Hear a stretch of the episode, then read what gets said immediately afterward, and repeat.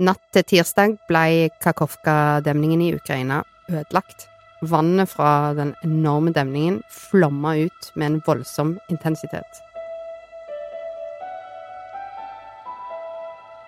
Helene Skjeggestad, du er journalist her i Aftenposten. Hvor dramatisk er det som har skjedd? Enormt dramatisk, og på mange nivå. Fra at områder blir oversvømt, til et atomkraftverk som kan mangle kjølevann, og til slutt så vil dette trolig påvirke krigen, og da særlig Ukrainas planer. Det er fortsatt mange ubesvarte spørsmål om hva som har skjedd, og hvem som står bak sprengningen. For hvorfor skulle noen i det hele tatt angripe demningen? Og hvordan vil dette påvirke krigen? Du hører på Forklart fra Aftenposten, og jeg heter Synne Søhol. I dag er det onsdag 7. juni.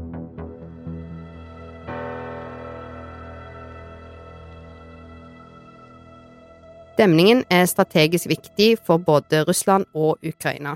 Eh, den russisk annekterte Krimhalvøya får i utgangspunktet vannet sitt derfra, og dette kan påvirke den forsyningen.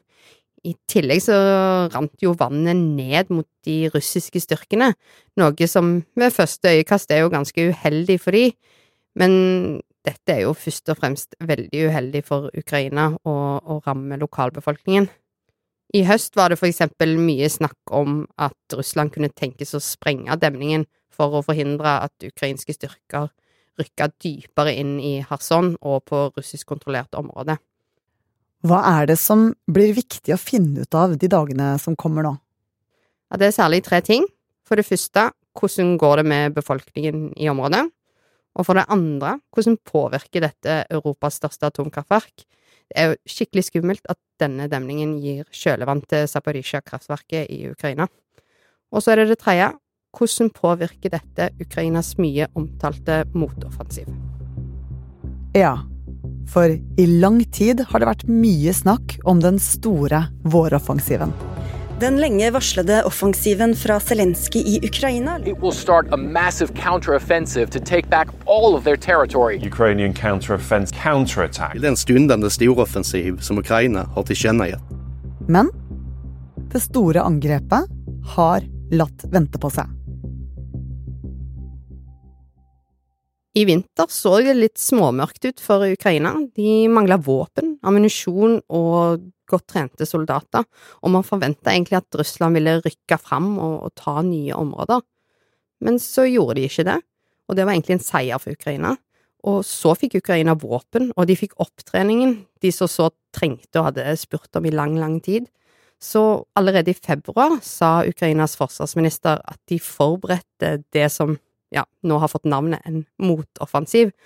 Alle venta bare på at isen skulle smelte, og regna med at den ville starte liksom så fort temperaturen steig og, og vinteren gikk over til vår. Eh, men så enkelt var det jo ikke. Og hvorfor har det vært så mye snakk om denne offensiven? Hvorfor er den viktig? Ja, den er viktig fordi den vil avgjøre hvordan krigen utvikler seg. Russland må for det første hindre nye skandalenederlag for å holde på en slags krigsentusiasme. Og for Ukraina står det veldig mye på spill. For det første så må de vise sine vestlige partnere at de er verdt pengene, og verdt utstyret som er sendt, og ikke minst verdt alt eh, håpet og oppslutningen som Ukraina da har fått.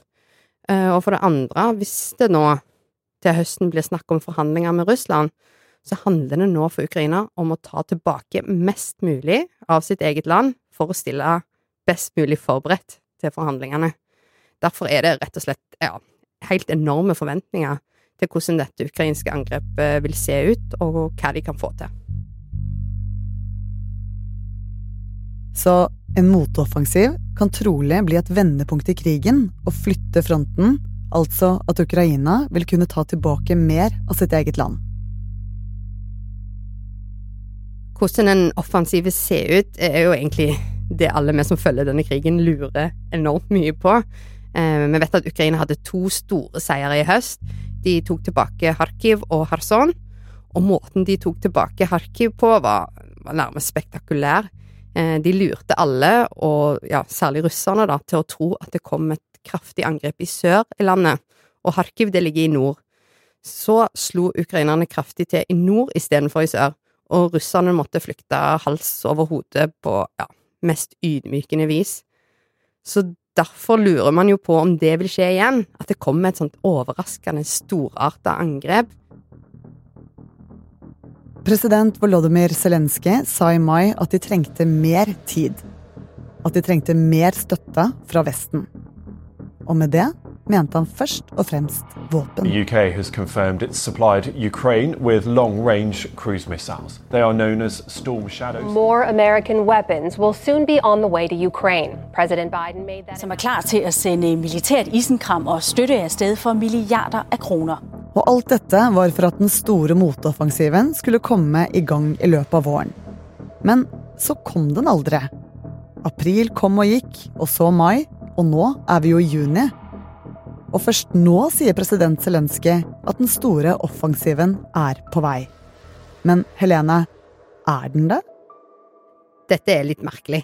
Eh, På den ene sida sier Zelenskyj 'vi er klare', og på den andre sida så sier hans nærmeste rådgiver 'nei, vi mangler våpen'. To sprikende beskjeder. Er de uenige? Eller er det rett og slett taktikk?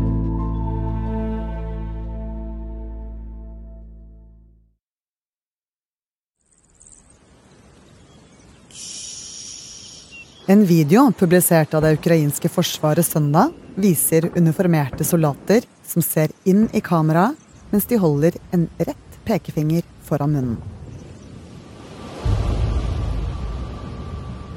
Videosnutten avsluttes med teksten 'Planer elsker stillhet'. Starten blir ikke annonsert.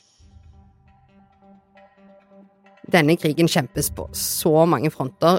Eh, Det er selvfølgelig det som skjer på bakken, og så har vi ordkrigen mellom landene, og så har vi jo den krigen som kjempes om folks hjerter, og da særlig på sosiale medier. Og denne videoen er jo laga for å gå viralt, og for å skape entusiasme, ikke bare i Ukraina, men eh, andre steder i verden òg, og den er òg ment å skape panikk på russiske sosiale medier, og det fungerer jo som bare det. Betyr det at uh, offensiven allerede er i gang, sånn helt i det stille? Det kommer an på hvordan man definerer motoffensiven.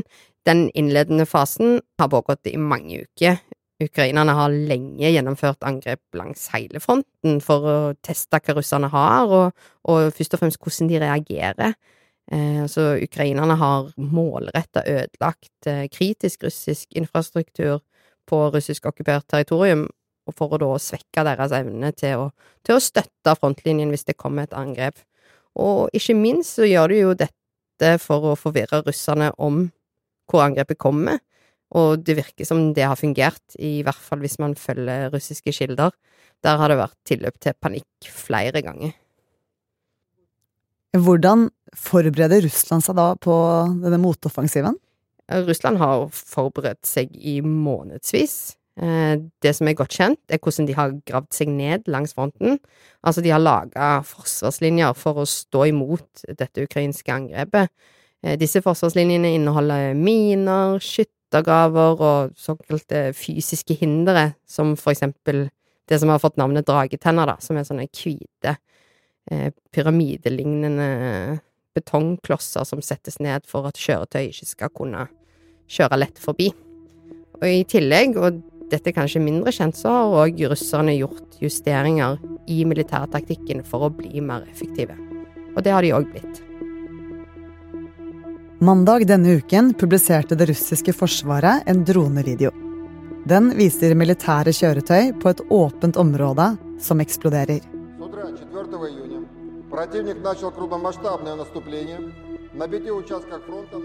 Og Russland hevder at de stoppet et ukrainsk angrep. Men videoen er ikke verifisert. Med andre ord, vi vet ikke sikkert om det faktisk har skjedd. Russerne driver jo òg med en informasjonskrig, så de mener blant annet at de har ødelagt 16 ukrainske tanks og drept 250 ukrainske soldater i et angrep. Det har vi ingen bevis for, og Ukraina heller ikke bekrefta det. Men det dette viser, er jo at russerne må være i høy beredskap, og det har de vært lenge. Og det er ganske slitsomt. Og det er kanskje akkurat det Ukraina håpet å oppnå.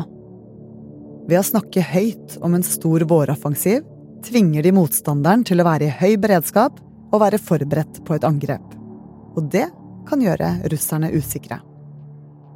Nettopp denne usikkerheten er en del av den ukrainske taktikken, så selv om meldingene er forvirrende for oss, og i hovedsak forvirrende for russerne, så har nok ukrainerne en klar plan, og nå holder de russerne på tå hev hele tida.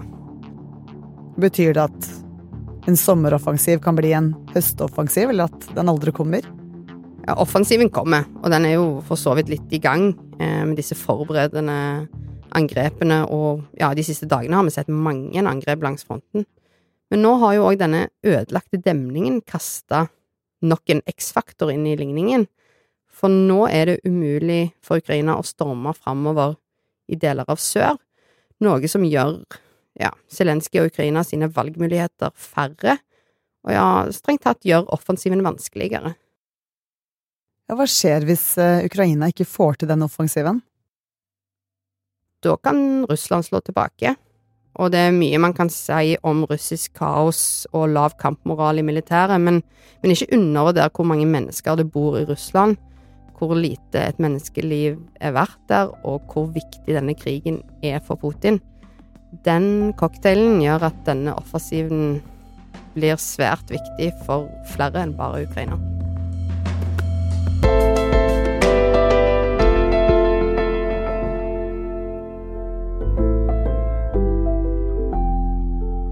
Du har hørt en podkast fra Aftenposten. Det var Helene Skjeggestad som forklarte deg hva som skjer i Ukraina. Denne episoden er laget av produsent Olav Eggesvik og meg, programleder Synne Søhol.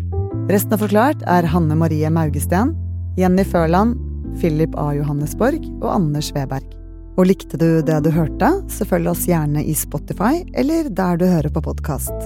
Lyden du hørte, er fra nyhetsbyrået AP, PBS NewsHour, BBC CNN, NRK, SVT og Danmarks Radio.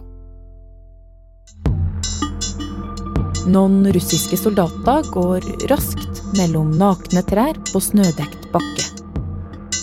Og ei ukrainsk drone suser over hodene deres. Men de fortsetter. Uten noe særlig beskyttelse og helt synlig.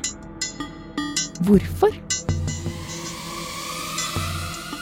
Ja, og da kommer vi inn på noe av det kanskje mest fascinerende og interessante, eh, og, og, for meg ganske nesten uforståelig, ved, ved krig. Vi, vi, er jo litt sånn sjanseløse, ikke sant? Og kan vi finne svaret blant dem som kjemper på den andre sida, i de ukrainske styrkene? Vi alle som var på basen den dagen, hadde en veldig eh, intens opplevelse. Å være i en livsfarlig situasjon med, med rakettangrep og bombeangrep. Hva gjør at noen tilsynelatende frivillig reiser inn i krig? Hør denne episoden av Dypdykk og resten av sesongen i Aftenposten-appen eller hos Podme.